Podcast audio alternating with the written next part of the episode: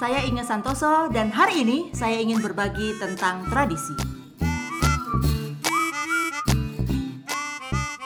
Ada suatu cerita zen klasik.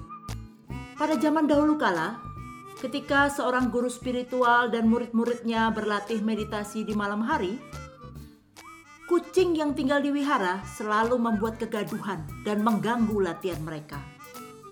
Akhirnya, sang guru menyuruh salah seorang murid untuk mengikat kucing itu ketika mereka akan berlatih meditasi.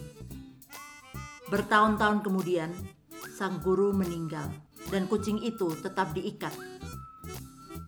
Ketika kucing itu pun meninggal, mereka membeli kucing baru untuk diikat ketika ada latihan meditasi.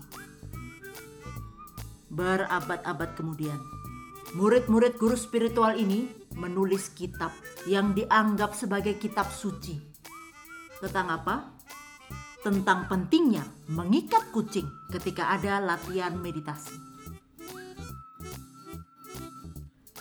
Dari cerita ini, kita bisa belajar bahwa kita cenderung hanya mengikuti dan melestarikan suatu tradisi tanpa mengetahui dan mempertanyakan sebenarnya apakah tujuan dari tradisi itu. Terkadang tradisi yang dilakukan sudah tidak sesuai dengan zaman, tidak bermanfaat, bahkan melenceng dari tujuan.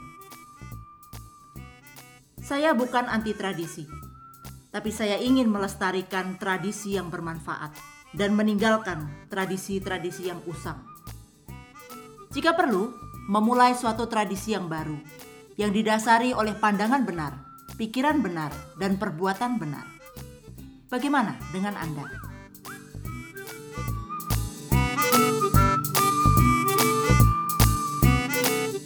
Terima kasih sudah mendengarkan suara semut hari ini. Dengerin lagi ya besok, karena semua orang bisa membuat podcast dan semua podcaster butuh komunitas.